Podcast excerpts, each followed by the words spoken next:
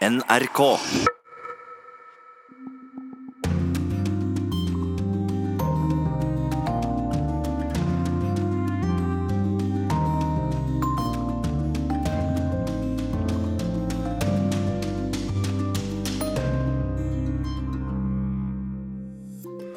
Da har klokken passert 11.03. Det er lørdag, og du lytter på NRK P2 eller Alltid nyheter, og programmet er Urix på lørdag. Det første, faktisk, i 2019. Og de neste 55 minuttene vil altså bære preg av det fremoverskuende. Og du skal eh, være med oss i hele sendingen, Sverre Lodgaard. Velkommen i studio. Mange takk skal du ha. Dette er altså Urix på lørdag. Vi kaller deg seniorforsker, Sverre Loddgaard, men du har jo også innehatt ledende stillinger på det jeg har valgt å kalle prestisjetunge akronymsteder som Prio, Sipri, Unidir og Nupi med fler, men er her nå mer eller mindre i kraft av egen tyngde som utenrikspolitisk kommentator. Skal vi gå litt mot strømmen, da, og begynne med faktisk noe positivt, dersom du ser at eh, det er noen positive tendenser ved inngangen til et nytt år? Ja, levekårene for verdens befolkning eh, blir jo stadig bedre i mange grunnleggende henseende. Barnedødeligheten går ned, og barnedødeligheten er et bilde på et samfunns kvalitet, for her dreier det seg om eh, tilgang på mat, på rent vann, primær, primærhelsetjenester. Andelen av befolkningen som lever i ekstrem fattigdom går ned. Forventet levealder går opp, er nå over, over 70 år. Eh, nyhetsbildet preges jo av eh, problemer, eh, vold og elendighet. Eh, så da er det all grunn til å minne også om at eh, det faktisk foregår eh, stadige forbedringer i, i fundamentale henseende. Men hvis jeg skulle peke på ett enkelt lyspunkt, eh, så måtte det bli eh, Etiopia. Som eh, har ført en framgangsrik utviklingspolitikk i lengre tid, bl.a. med stor vekt på helse. Og det har medført at en hel generasjon som ellers kunne blitt kraftig desimert pga. tuberkulose, malaria, aids, mangel på mat, har meldt seg på arbeidsmarkedet hvor det ikke har vært jobb nok til alle. Eh, sterk økonomisk vekst i dette landet til, til tross. Og det forsøkte myndighetene en stund å slå ned på med harde midler, eh, til eh, Abiy Ahmed kom til makta for et knapt år siden. Og han har hatt en mer konstruktiv tilnærming. Han har tatt politiske fanger og flyktninger inn i varmen igjen. Han har forandret sammensetningen i statsledelsen, slik at den bedre gjenspeiler eh, den etniske sammensetningen i landet. Han har gitt kvinner stor plass i, eh, i politikken. Han har sluttet fred med Eritrea, forbedret forholdet til Sudan, til Egypt, til Djibouti. Bidratt til en ganske veritabel geopolitisk endring til det bedre eh, på Afrikas Horn. Eh, så dette er, et, eh, dette er et stort lyspunkt i en verden som ellers i stor grad ligger i mørket. Jeg vet jo at vi har dekket dette, men dette er jo også da en slags nyhet som ikke kanskje er dramatisk nok, og som ikke sprenger dette taket for å nå opp i nyhetssendinger og sånt. Vil dette være noe en Nobelkomité kan komme til å se på og støtte i 2019? Nå vet vi at uh, fra andre steder og andre tider at uh, store demokratiske reformatorer har vist seg politisk sårbare uh, på, på, lengre sikt. Men slik det nå ser ut, så vil jeg mene at Abiy Ahmed er en sterk kandidat til Nobels fredspris i 2019. Du har jo også vært varamann i Nobelkomiteen og kjenner eh, hva skal si, kulturen og tankesettet der. Vi skal eh, gå løs på noe vi ikke kommer utenom i 2019, og det er jo USAs president eh, Donald Trump. Nominert til Nobels fredspris, han også, for å ha sagt det, uten latter nødvendigvis. Men selv på de første fem dagene av dette året så har man jo bevist at at vi kommer til å høre mer fra Donald Trump. Maktskiftet i Kongressen på torsdag, hvor demokratene overtok eh, sitt flertall der, og ikke minst budsjettstriden, som egentlig dreier seg om hvor mye penger USA skal bruke på å beskytte sin sørgrense mot Mexico. Trump sier at han trenger fem milliarder dollar, hvilket demokratene sier at det vil han aldri få. Are you willing to come up and give him some of this money for the wall? Because no. apparently that's the sticking no. point. No, nothing for the wall. Nothing for the wall? No. How many more times can we say no? Nothing for the wall. Nei, det blir ingen penger til noe grensegjerde, sier Kongressens nye leder Nancy Pelosi. I'm very proud of doing what I'm doing. I don't call it a shutdown. I call it doing what you have to do for the benefit and for the safety of our country. Jeg er svært stolt av det jeg gjør nå sier president Trump. Året er i full gang, både i Det hvite hus og i Kongressen. Men i de store departementskompleksene mellom de to statsmaktene på Pennsylvania Avenue i Washington er det stille. Hundretusener av offentlig ansatte er permittert. Andre må jobbe uten lønn. 14 dager har det pågått nå, men det kan bli mye lenger. Og snart kan nedstengningen virkelig påvirke økonomien når f.eks. utbetalinger fra skattemyndighetene stopper opp. I går antydet president Trump at deler av statsapparatet kan bli stengt i måneder, eller kanskje i et helt år, om ikke demokratene gir ham 40 milliarder kroner til grensegjerdet. Trump har lovet å drenere sumpen han mener det føderale USA er. Slik sett er det kanskje ingen politisk tapersak for ham å holde byråkrater som trolig stemmer demokratisk uansett, permittert. Men at statsapparatet i verdens viktigste land blir stengt oftere og oftere fordi politikerne ikke klarer å vedta budsjettene som skal finansiere det, virker underlig for oss i Europa. Slikt skjer ikke her. Her er tilliten til det offentlige og oppgavene det utfører, en annen. Men USA er altså et annerledes land. Og det vil det utvilsomt være også i dette året 2019. Et år som fort kan gå inn i historien som et svært dramatisk et i amerikansk historie. Dramatisk er det altså allerede. Bare hør på republikanernes senator Lindsey Graham. If he gives in now, that's the end of 2019 in terms of him being an effective president. That's probably the end of his presidency. Hvis Trump gir seg nå, betyr det slutten på dette året for ham. Ja, kanskje på hele presidentgjerningen, sier Graham. Han peker på at grensemuren er Trumps store fanesak. En sak han aldri kan gi seg på. Men finnes det republikanere i Senatet som har en helt annen mening, og som kan samle seg mot presidenten? Well, you know, after he was elected president, uh, it was very much my hope uh, that he would rise to the occasion. En nykommer som lot høre fra seg denne uka, er Mitt Romney. Tidligere presidentkandidat, nå senator fra Utah. Han mener Trump gang på gang har vist seg uegnet for presidentembetet. Uh, hope, uh, I, I uh, front. Uh. Men vil han gjøre noe med det? Hvor lenge mener Romney Trump kan fortsette? Det vil han ikke svare på i intervjuer denne uka. På den andre siden av Capitol Hill, i Representantenes hus, ble en fargerik gjeng som ikke er redde for å si hva de mener, tatt i ed.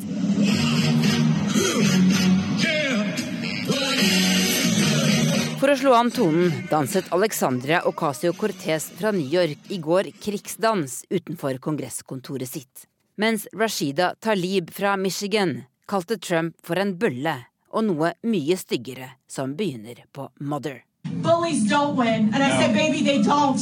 Because we're going to go in there we're going to impeach the mother Det finnes mange demokrater som ønsker å starte en riksrettssak mot Trump med en gang.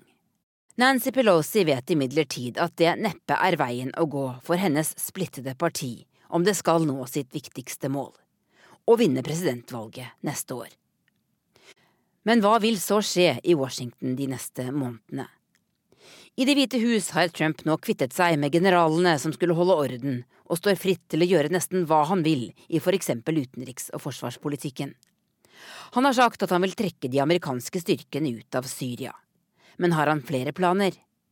Denne uka fortalte han at han har fått et hyggelig brev fra Kim Jong-un. Kan han få lyst til å trekke styrken ut av Sør-Korea med det samme?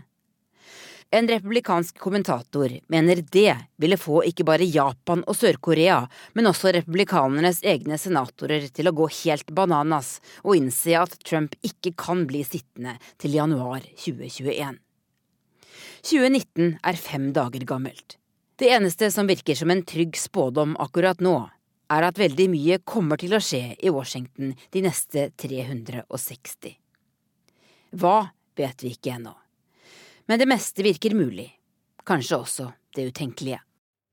Det var det Tove Bjørgaas som sa, og Sverre Loddgaard, denne helomvendingen i løpet av fjoråret fra Trumps trusler mot The Little Rocket Man til disse åpenbart nærmest vennskapelige julehilsenutvekslingene, det var kanskje noe av det mest uventede og mest dramatiske i fjor.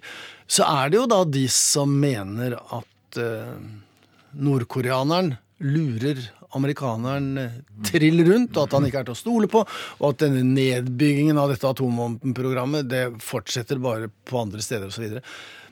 Hvem skal vi tro på her? For det første, det er koreanerne selv som eh, leder an i dette, og de har truffet en rekke samarbeidstiltak. For eksempel er det nå slik at man har et felles representasjonskontor ved grensa i Panjunmon. Panjunmon. Um, og det gjør at uh, de da kan snakke sammen på, uh, på daglig basis. Uh, så er det mange flere samarbeidstiltak som er på beddingen, men som er avhengig av sanksjonslette. Og det kan bare skje ved en videreføring av samtalene mellom USA og, og Nord-Korea. Ja, så Trump spiller ikke nødvendigvis annenfiolin her? Nei da, eh, han spiller naturligvis en hovedrolle. Koreanerne er avhengig av at det blir framgang mellom Nord-Korea og, USA. Eh, legg merke til at dette er en eh, utpreget toppstyrt prosess. Det er Donald Trump og det er Kim Jong-il. Nei, dette er Kim, Kim Jong-un, unnskyld. Tida går. Tida går og Trump sa en gang med henvisning til Kim at sammen skal vi vise at de andre tar feil.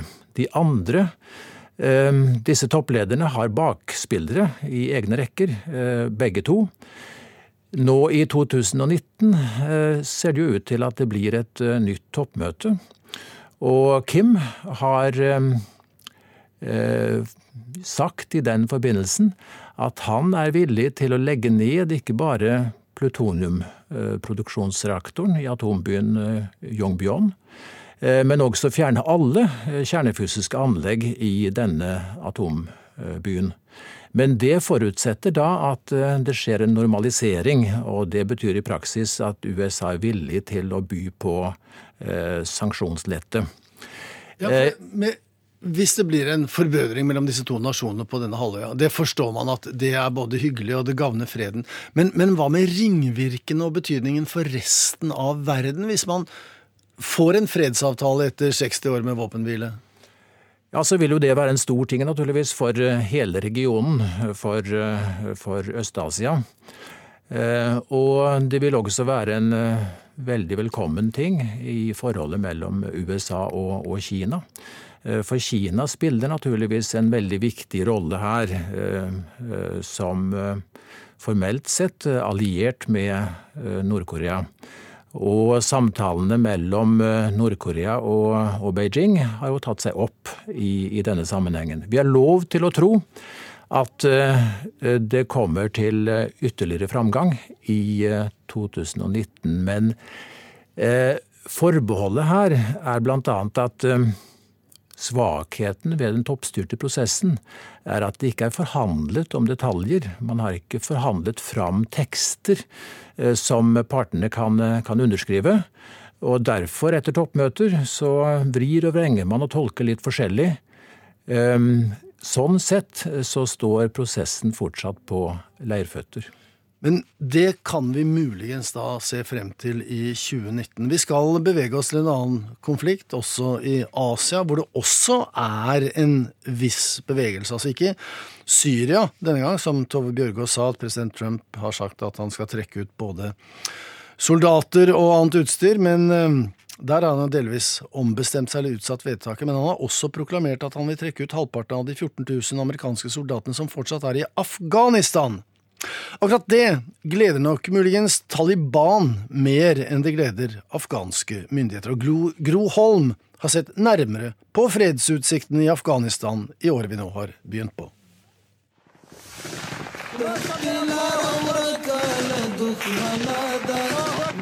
Lyden og musikken er fra en av de mange skrytevideoene som Taliban publiserte på YouTube i fjor. Her er det en konvoi med forsyninger på vei langs rv. 1 sørover fra hovedstaden Kabul som blir angrepet. Minst én tankbil blir skutt i brann, selv om treffprosenten er oppsiktsvekkende lav. Taliban er sterkere nå enn de var i januar i fjor.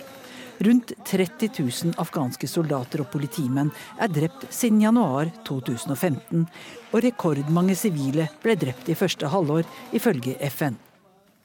President Trump mener det er på tide å dra derfra, og vil ha halvparten av de 14 000 amerikanske soldatene i landet hjem i år. Forsvarsminister James Mattis var uenig både i tilbaketrekningen fra Syria og i halveringen i Afghanistan, og leverte sin oppsigelse like før jul. Men Trump presenterte en litt annen versjon under regjeringskonferansen med full pressedekning tidligere i denne uka.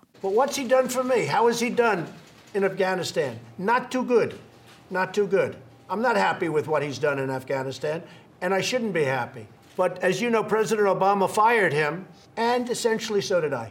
Hva har han egentlig gjort for meg, hvordan har han klart seg i Afghanistan? Ikke altfor bra, sa Trump om sin tidligere forsvarsminister. Jeg er ikke fornøyd med det han gjorde i Afghanistan. Obama ga ham sparken, og i grunnen gjorde jeg det samme, sa presidenten. Men de fleste er altså enige om at det er diplomater, ikke soldater, som må sørge for fred i Afghanistan. I det spørsmålet vingler president Trump i praksis. Her er det han mente 29.1 i fjor. There's no talking to the Taliban. We don't want to talk to the Taliban. We're going to finish what we have to finish. What nobody else has been able to finish, we're going to be able to do it. Vi vil ikke snakke med Taliban. Vi må avslutte det vi må. Det ingen andre har klart, sa Trump for et år siden. Men så endret han mening. Nå har han sendt sin egen spesialutsending for å forhandle direkte med Taliban. Salmai Khalilzad er selv afghaner, og fra slutten av november har han flere ganger møtt representanter for Taliban. As part of uh, exploring the potential for uh, reconciliation and peace, uh, I am talking to uh, all Afghans, uh, all interested parties. Alle parter ønsker en politisk avtale, for selv Taliban sier at det ikke kan vinne militært, eh, sier Khalilzad. Men fredsdiplomatiet har så langt gitt få resultater. Det er komplisert. For Taliban vil ikke snakke direkte med den afghanske regjeringen så lenge det er utenlandske styrker i landet. Opprørerne nekter å forhandle med andre enn USA vil Si representanter for Saudi-Arabia, Pakistan og De forente arabiske emirater, var også til stede som observatører under forhandlingene i Abu Dhabi like før jul. Så dukket representanter for Afghanistans regjering opp, fordi det kunne hende at Taliban ville gå med på et kort møte. Men det skjedde ikke, og dermed var afghanske myndigheter ydmyket av Taliban med USAs spesialutsending og flere andre diplomater til stede.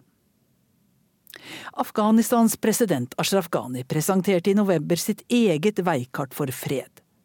I starten må afghanerne forhandle seg imellom, og først deretter kommer forhandlinger med USA, Nato og Pakistan, mener Ghani. Han sa også at forhandlingene må bygge på respekt for grunnlovsbestemte rettigheter, også for kvinnene. Han utnevnte et forhandlingsteam med tolv personer, ledet av sin egen stabssjef. Men Taliban nekter å snakke med dem, så lenge det fortsatt er utenlandske soldater i Afghanistan.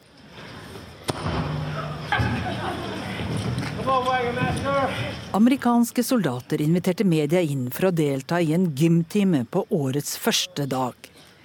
Der håper de at forhandlingene mellom USA og Taliban skal føre fram. Um, 2019 brings a special and unique opportunity in Afghanistan. I think we've all seen the uh, progress of peace talks. Think of this 40 years of war. Pressetalsmann David Butler håper at forhandlingen i 2019 skal føre til en endelig slutt på 40 år med krig i Afghanistan. Under regjeringsmøtet 2.1 innrømmet USAs president at de nå faktisk snakker med Taliban, men han la mer vekt på en annen oppskrift på å få slutt på konflikten, nemlig la Taliban og konkurrenten IS slåss seg imellom. Where Taliban is here, ISIS is here, and they're fighting each other. I said, why don't you let them fight? Why are we getting in the middle of it? I said, let them fight. They're both our enemies. Let them fight. La dem bare slåss. Begge er våre fiender, sa Trump. Et eh, kreativt innspill fra Donald Trump der, altså. Det er gått 40 år siden Sovjetunionen invaderte Afghanistan. Og Svein Loddgaard, eh, du har ikke akkurat bedt om replikk, men kan du på et lite minutt si hvorvidt det er sannsynlig at det blir slutt på krigen i Afghanistan i løpet av dette året? Trump har jo all grunn til å være misfornøyd. USA har kriget i 17 år uten fred i sikte. Eh, han kritiserer forgjengerne og sin egen forsvarsminister for ikke å ha hatt noen god strategi. Men som eh, Gro Holm sier, det ser ikke ut til at han har noen bestemt strategi selv heller. Og når han snakker om eh, krig mellom Taliban og IS, så er jo ikke det akkurat noen oppskrift på snarlig fred. Jeg tror vi trygt kan si at fred blir det ikke i 2019, og det kan komme til å ta mye lengre tid.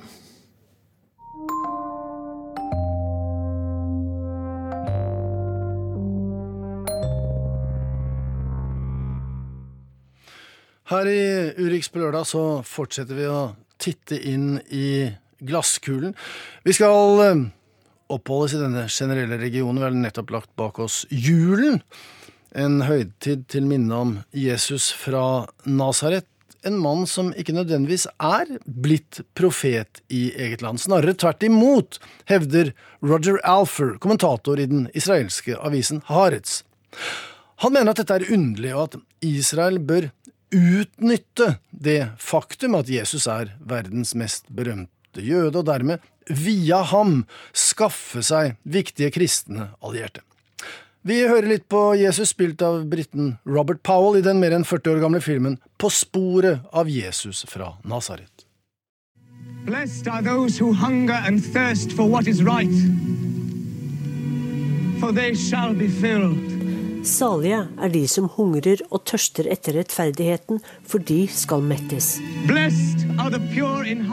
Han fremførte bergprekenen og spilte rollen så overbevisende at mange trodde at briten var Jesus i mange år etterpå, til skuespillerens fortvilelse. De siste ukene har to milliarder mennesker verden over feiret den jødiske snekkersønnen fra Nasaret, og mange som Powell er stadig på jakt etter mer kunnskap for å forstå ham bedre. Samtidig grunner den israelske kommentatoren Rogel Alfer over hvorfor Jesus er så lite anerkjent i Israel. Jesus er den viktigste jøden som noen gang har levd, skriver han i venstresidens avis Haaretz. Og nå er det verdt å reflektere over at fødselen, som feires over hele verden, faktisk fant sted her, og at dette er kristendommens vugge, og at Jesus var av vårt kjøtt og blod. For han nevnes knapt i skolepensumet hos oss, men han var en jødisk superstjerne og den mest innflytelsesrike jøde gjennom tidene, mener israeleren.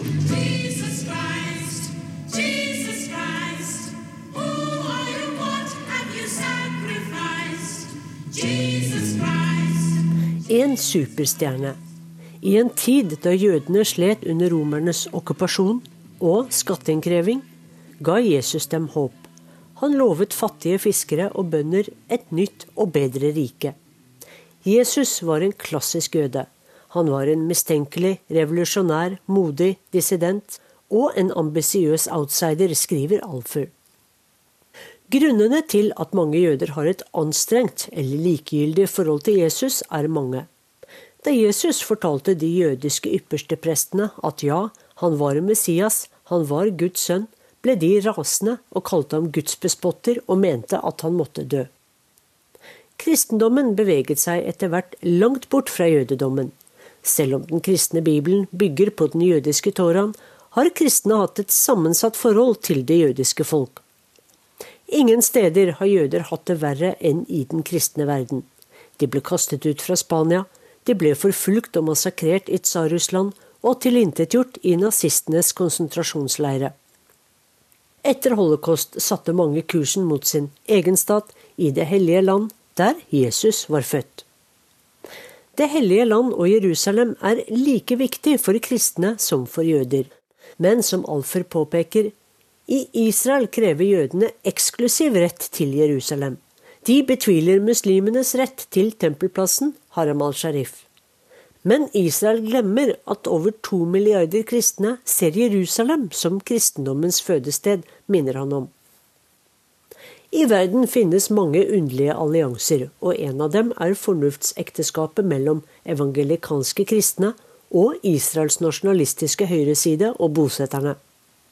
Hadde statsminister Benjamin Netanyahu kunnet innkassere sin største seier, USAs flytting av ambassaden til Jerusalem, uten deres støtte? Og hadde Trump flyttet ambassaden uten USAs millioner evangelikanere? Evangelikanerne lengter etter endetiden, at Jesus skal vende tilbake og gjøre ende på djevelen og opprette Guds rike. Men for at dette skal skje, må jødene først vende tilbake til Det hellige land, ifølge profetiet. Derfor støtter disse kristne bosetterbyggingen, som er ulovlig etter folkeretten, og derfor jobber tusenvis av evangelikanere gratis for bosetterne. De hjelper dem å høste druer og plukke frukt, alt for å fremskynde Jesu tilbakekomst. Evangelikanerne bruker jødene, for når endetiden kommer, må jødene enten ta imot Jesus eller havne i helvete. Hva synes dere om å bli brukt på denne måten, har jeg spurt bosettere om flere ganger. Mener du endetiden? Vel, vi tar oss av det problemet når det kommer, er ofte svaret. Men uten denne religiøse kraften, som er en pådriver for amerikanske presidenters Midtøsten-politikk, hadde Israels høyreside og bosettere hatt langt mindre spillerom. De evangelikanske kristne er den største gaven noensinne gitt dem av den største jøden gjennom historien, skriver skribenten i Haaretz. Ja, at Jesus var jøde, er en ubehagelig og fornektet sannhet. Men uten ham ville Benjamin Netanyahu bare vært en liten spiller på verdensscenen. Derfor fortjener Jesus at Israel oppkaller en prominent plass i en israelsk by etter ham, for å hedre ham, mener Rogel Alfer. Og vi hørte Sissel Wold. Nå er hun korrespondent i, i julenissens hjemland i Tyrkia, men hun har også mange års fartstid fra nettopp Israel. Og Israel, eh, Sverre Loddgaard. Den tradisjonelle motsetningen i Midtøsten mellom eh, Israel og israelere og palestinere, den er jo nesten forsvunnet fra nyhetsbildet. Og da må man jo spørre seg selv er det fordi mediene ikke klarer å absorbere mer enn tre konflikter om gangen, eller, eller er det faktisk en form for politisk tøvær mellom partene, eller er det det at det er slitasje som har gjort at verden orker ikke å bry seg om denne konflikten mer? Tøvær er det jo ikke. Eh, men det er noe visst repetitivt eh, over det som foregår. Og det har da veket plass eh, for mange andre og mye mer dramatiske ting i Midtøsten. Irak-krigene, den arabiske våren, krigene i Syria og i Jemen. Iran som den store busemannen for USA og Israel. Og så kommer jo også de asiatiske stormaktene stadig mer inn i bildet med interesser i Midtøsten.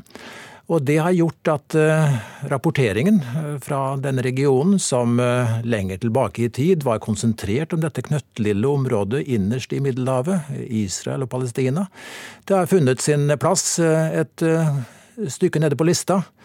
Over, over, dramatiske begivenheter og utviklinger som media ser større grunn til å følge.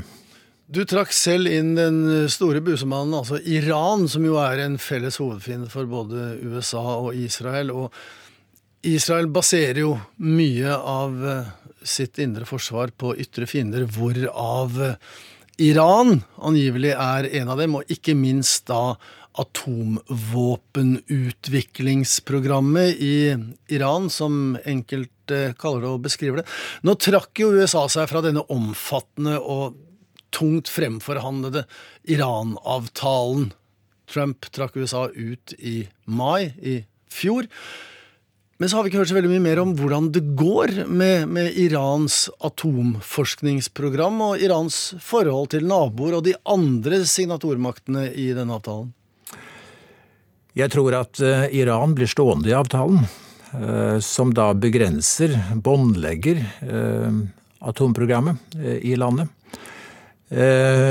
Og det til tross for at de andre partene i avtalen ikke kan kompensere Iran økonomisk for bortfallet ved den amerikanske tilbaketrekkingen.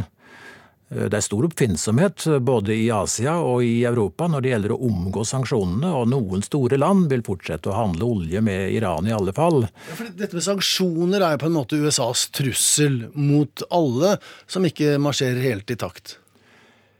Ja, eh, i dette århundret, i de 15 første årene, så traff den amerikanske administrasjonen 400 sanksjonsvedtak. Eh, da er altså vedtak som eh, forlenger og utvider allerede introduserte sanksjoner, inkludert. Men allikevel, dette er blitt et slags delirium i eh, amerikansk utenrikspolitikk. Og så har eh, og, den, og, og, sanksjonene er da basert på ikke bare størrelsen av den amerikanske økonomien, eh, men enda mer kanskje dollarens stilling og USAs kontroll med det internasjonale finanssystemet. Og da har mange land i lengre tid sagt at vi må over til en ordning som er til fordel for mange, og ikke bare for én.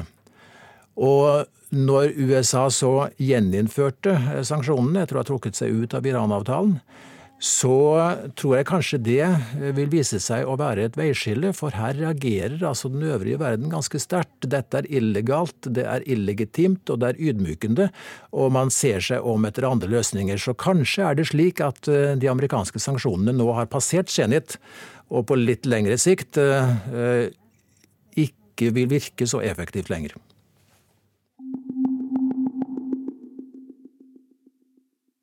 Vi skal eh, ta et lite sprang geografisk til Latin-Amerika, for etter å ha blitt gjenvalgt i fjor, så blir eh, Venezuelas president Nicolas Maduro innsatt for en ny periode som president i Venezuela over helgen. Til tross for at han ble gjenvalgt, så har altså tre millioner mennesker de siste årene flyktet fra dette ressursrike landet.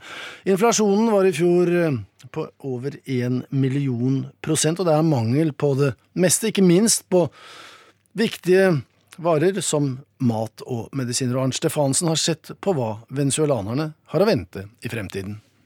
Victoria popular permanente. Gracias por sobreponerse Takk for at dere har motstått så mye aggresjon og så mange løgner, sa presidenten, som lovet fremgang og velstand for landets innbyggere.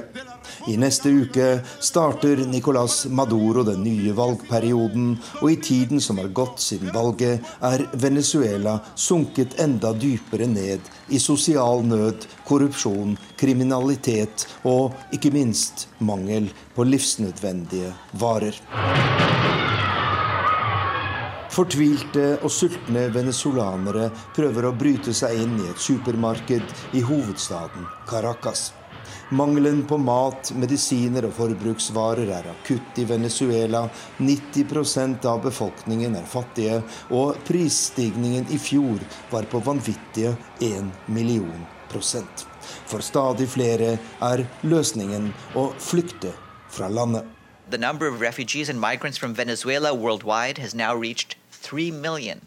Tallet på flyktninger og migranter fra Venezuela har nå nådd tre millioner, sier FN-talsmann Faran Haq. Dette gjelder tidsrommet fra 1998, da sosialistregimet overtok makten, men hele 2,3 millioner har flyktet bare de siste tre årene. Nærmere halvparten til Colombia, en halv million til Peru og flere hundre tusen til Brasil og Ecuador, sier FNs talsmann.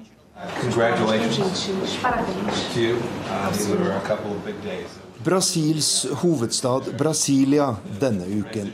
USAs utenriksminister Mike Pompeo møter den nylig innsatte brasilianske presidenten Jair Bolsonaro. En ny og mektig panamerikansk allianse er født, og for ytre høyre-regjeringene i USA og Brasil er sammenbruddet i Venezuela og flyktningstrømmen fra landet en stor utfordring. På en pressekonferanse spør en journalist om en militær intervensjon kan være løsningen. We had a chance today also to talk about uh, the threats that emanate from Venezuela.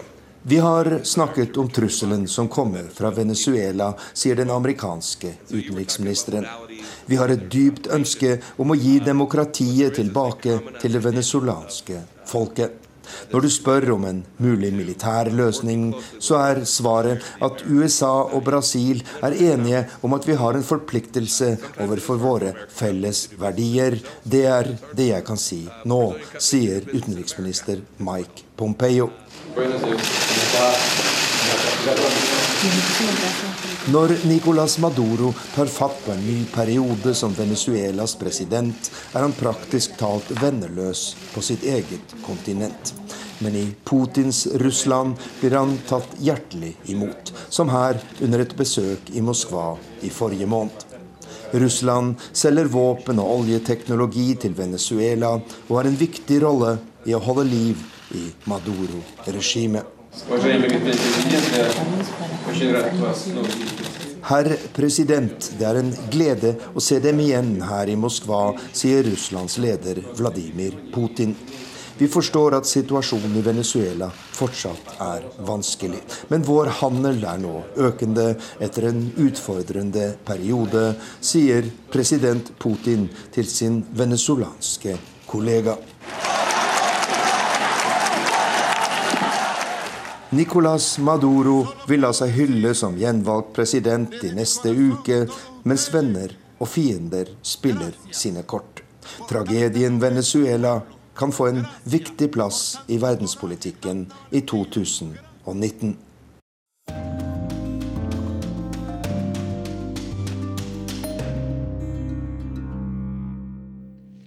Hakuna matata, sier vi da.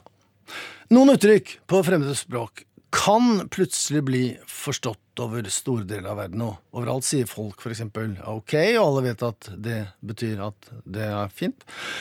De fleste vet at det russiske njet for eksempel er en fornektelse som betyr nei, og så er det mange som kjenner dette uttrykket på swahili hakuna matata, og vet at det betyr noe i retning av no problems eller ingen fare. Men så viser det seg at det er faktisk fare på ferde. For Disney-konsernet har nemlig tatt copyright på dette uttrykket. Tusenvis har reagert. Det har også Tom Christiansen gjort. Hakuna Matata! It means no worries. Hakuna Matata. What a wonderful phrase. Dyrene synger i filmen 'Løvenes konge', og det har de gjort siden 1994. Hakuna Matata. Hva ingen visste var at Disney-selskapet allerede den gang for 25 år siden kjøpte rettighetene til uttrykket. Hakuna Matata som varemerke tilhører Disney, og ingen andre kan tjene penger på å bruke uttrykket kommersielt. Nå skal 'Løvenes konge' relanseres, både som film og animasjon, og det er i den forbindelse at sannheten har kommet for dagen. Kenya ønsket å benytte anledningen til å markedsføre landet, men fikk straks beskjed fra Disney at det kunne de ikke. Den retten hadde Disney. Det har skapt forferdelse.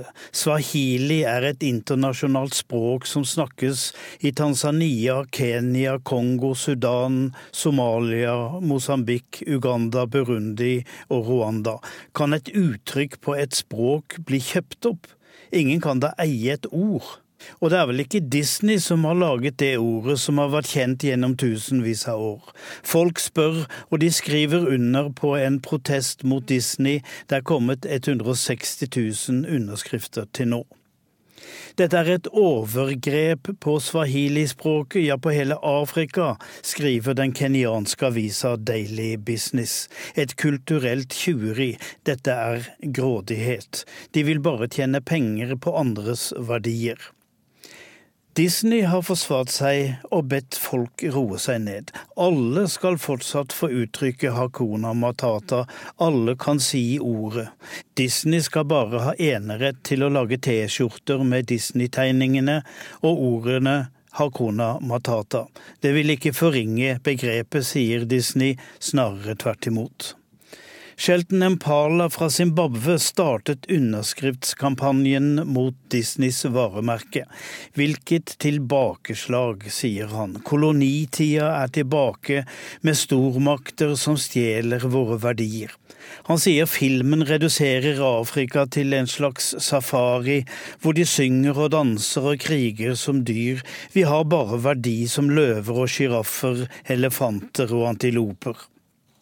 Blant dem som reagerer, er artisten John Katana i det kenyanske bandet Fem Mushrooms.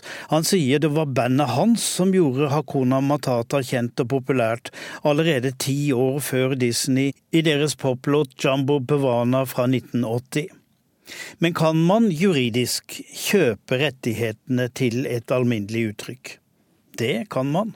Merry Christmas er i en bestemt utforming beskyttet. Det er Yahoo og Vaya Condias også. Kjendisfenomenet Paris Hilton pleier å si 'that's hot' i sine TV-programmer, og har tatt patent på formuleringen. Hun saksøkte et selskap som skrev 'that's hot' på ei T-skjorte med bilde av henne. Den nigerianske forfatteren Chinua Ashebe søkte om rettighetene til hans romantittel Things Fall Apart.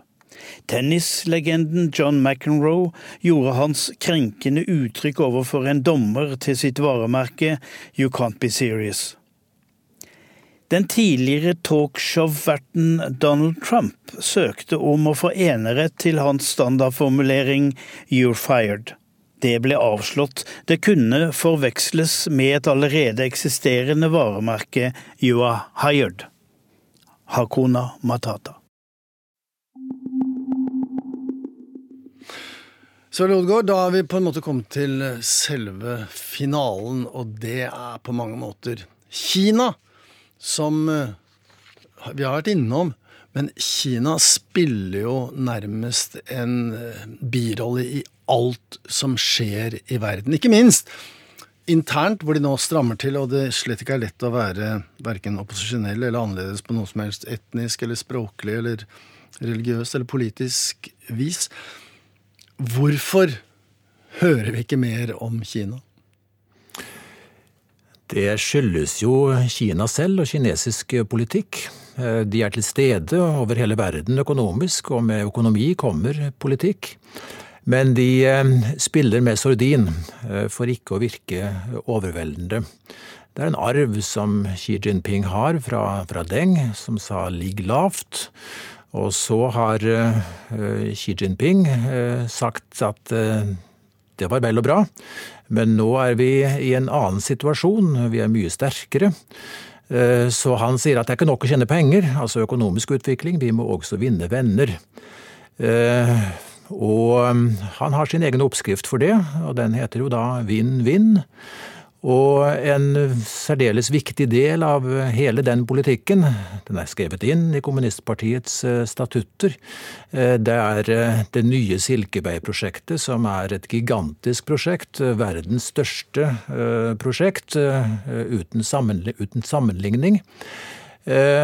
Og det dreier seg altså om Eh, utvikling av eh, forbindelseslinjer til sjøs og, og, til lands eh, fra Asia og til Europa og Afrika. Dette gagner selvfølgelig først og fremst kineserne. Men de investerer så mye infrastruktur i så mange land. Det gjelder jernbaner og veier og flyplasser og havner. Også, også litt sånn hyggelig som idrettsarenaer og, og den slags. Men kjøper de seg da goodwill også i tillegg?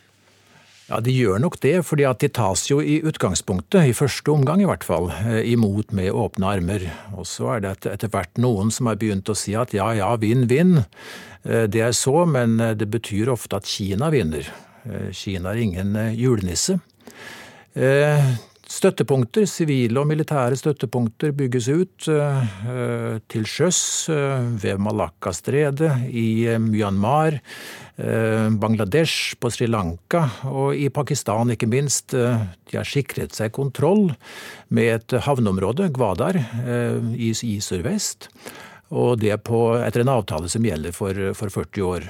Og til lands Eh, så er det altså én forgrening da, eh, som går eh, via Kashgar på grensa til Pakistan og ned gjennom Pakistan. To forgreninger. Men én gren, én bane, går altså til, til Gwadar igjen. Og da snakker vi straks geopolitikk, for da kjenner India seg klemt inne, altså omgitt av kinesisk nærvær og kinesiske militære og sivile støttepunkter. Og kort til slutt, America first betyr også at USA trekker seg tilbake og etterlater små vakuum som kineserne kan flytte inn i. Eh, trekker seg tilbake fra Midtøsten, ja. Der kutter eh, Trump eh, tapene. Men i Asia så er jo USA særdeles aktivt for å demme opp for, for Kina, i samarbeid med Japan, Sør-Korea og i noen grad også India. Da sier vi takk til deg, Sverre Lodgaard, for å ha vært med oss i denne sendingen. Vi skal til korrespondentbrevet og høre at uh, verden er et farlig sted å være, også på privaten. Det er det Veronica Westrin som har erfart i Washington DC.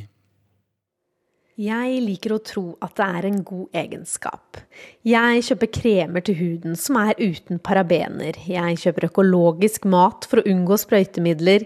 Jeg googler farlige sykdommer og løper til legen ved enhver mistanke om at noe kan være galt. Jeg sjekker at ytterdøren er låst både to og tre ganger før jeg legger meg, for ikke å glemme gasskomfyren. Jeg leser tester for hvilke bilstoler som er de tryggeste for barna mine, og jeg studerer hvor høy UV-strålingen er på varme solskinnsdager. Jeg smører barna, jeg googler, hele tiden. Jeg blir livredd av det jeg leser, men fortsetter likevel. Jeg trodde jeg tok sikkerhet på alvor. Så flyttet jeg til USA. Det er en varm dag i Washington DC. Sola skinner og barna er sendt av gårde på barnehage og skole. Plutselig tikker det inn en melding på appen vi bruker for å kommunisere med dem.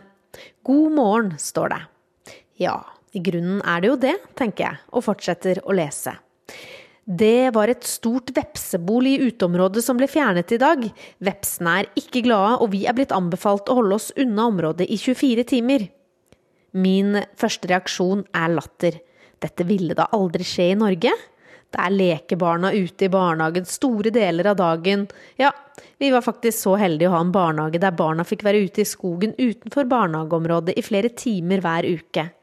I Norge klatrer barna i trærne og bryner seg på å hoppe over røtter og steiner. Og de får skrubbsår. Akkurat det var jeg forberedt på at de nok ikke kommer til å få her. Her er det lekestativer med plastmatter under som gjelder. Mine amerikanske venner synes det er eksotisk å høre om hvordan barnehagene fungerer hjemme. Når det regner, holder skolen barna inne i friminuttene. Og gud forby om det skulle begynne å snø. Da inntreffer ofte fenomenet snow days, og skolene holdes stengt.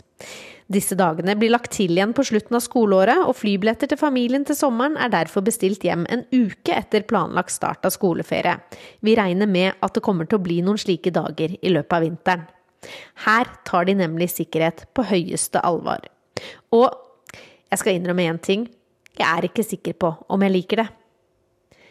Jeg, som alltid har vært opptatt av sikkerhet, begynner faktisk å tvile på hvor lurt det er å sikre oss mot alt mulig. Og det er ikke bare USA som får meg til å tenke den tanken. Det toppet seg nemlig da jeg etter å ha fått barn ble medlem av diverse mammaklubber på nett. Skal jeg tro noen av rådene som gis på disse sidene, så er det et under at barna mine fortsatt lever. Og bare for at det ikke skal herske noen tvil, jeg følger selvsagt alle nasjonale retningslinjer hva gjelder amming, soverutiner, vaksinering, bilsikring osv. Men når det kommer til sikkerhet her, er det særlig én ting som bekymrer meg mer enn det beroliger, og det er våpen. Første turen til det lokale kjøpesenteret satt en støkk i meg. Det første vi møter etter å ha kommet inn inngangsdøren og opp rulletrappa, var nemlig en bevæpnet sikkerhetsvakt. Barna mine utbryter spontant 'Hvorfor har han skytepistol?' Jeg har problemer med å gi dem et godt svar. Jeg klarer fortsatt ikke å venne meg til tanken om at dette er normalt. Vi har en president som ønsker å bevæpne de ansatte på skolene. Jeg sliter vel mer med den tanken, må jeg innrømme.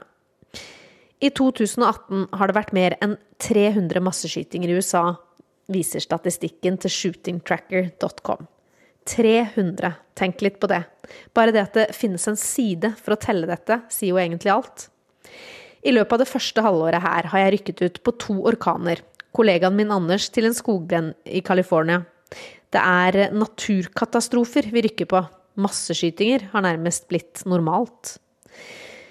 Jeg lever i et land der det finnes foreldre som utstyrer barna sine med skuddsikre skolesekker. Der skolebarn øver på hvordan de skal håndtere en eventuell masseskyting. Og enkelte foreldre unngår å sende barna på skolen med skosåler med blinkelys, for da er de lettere å finne for en mulig skytter. Donald Trump har for øvrig selv sagt at han misliker active shooter drills, som de heter.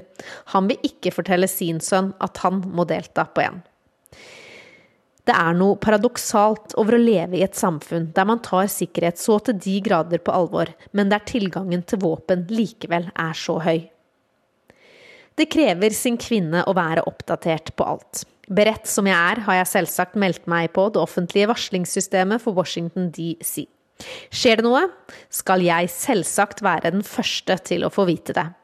Det er vel ikke en overdrivelse å si at det gir meg mye jobb og mange bekymringer. Nesten daglig tikker det inn ulike alerts. Jepp. Um, alert med store bokstaver. Alt fra væpna ran til hete eller flomalarm. I det siste har det vært eh, mange frostalarmer. Jeg må virkelig rose amerikanerne for å ha et såpass eh, velutviklet system for å nå innbyggerne. Samtidig må jeg innrømme at disse varslingene ofte gir meg mer hodebry enn hjelp. Jeg kan nevne én slik episode som inntraff den 11. september, ikke 2001, men 2018. As the district prepares for Hurricane Florence, Mayor Muriel Bowser has declared a state of emergency, effective immediately. Bare kjenn litt på det. State of emergency. Dette er dramatiske greier. Videre følger en rekke råd, men det er kanskje spesielt ett som fanger min oppmerksomhet. Supply Kit. Jeg går selvsagt umiddelbart inn på nettsiden over hva som skal være i dette kittet. Er det noen som er forberedt, så er det jo meg. Her kommer jeg raskt inn på How to plan for a disaster or emergency. Jeg leser ivrig. Ha batterier, oppladede telefoner. Jeg setter meg grundig inn i alt sammen, og skriver en handleliste til mannen min. Den inneholder annet store mengder vann, hermatikk, batterier og lommelykt. Har du lest gjennom lista? spør jeg etter hvert mannen min. Han rister på hodet. Men i alle dager har du ikke lest den, tenker jeg. Eller jeg sier det vel kanskje høyt også. Høyere enn jeg bør, tror jeg. Men er du ikke medlem av alert-systemet? fortsetter jeg. Nei, svarer han kontant. Hvordan er det mulig, tenker jeg. Kanskje jeg sier det høyt også. Du skal ikke se bort fra det.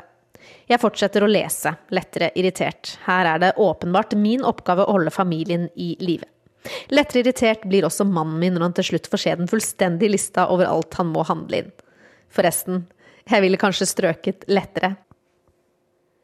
Jeg tror våre amerikanske naboer humret litt for seg selv da de så nødrasjonen jeg bestilte på nettet bli plassert utenfor der vi bor.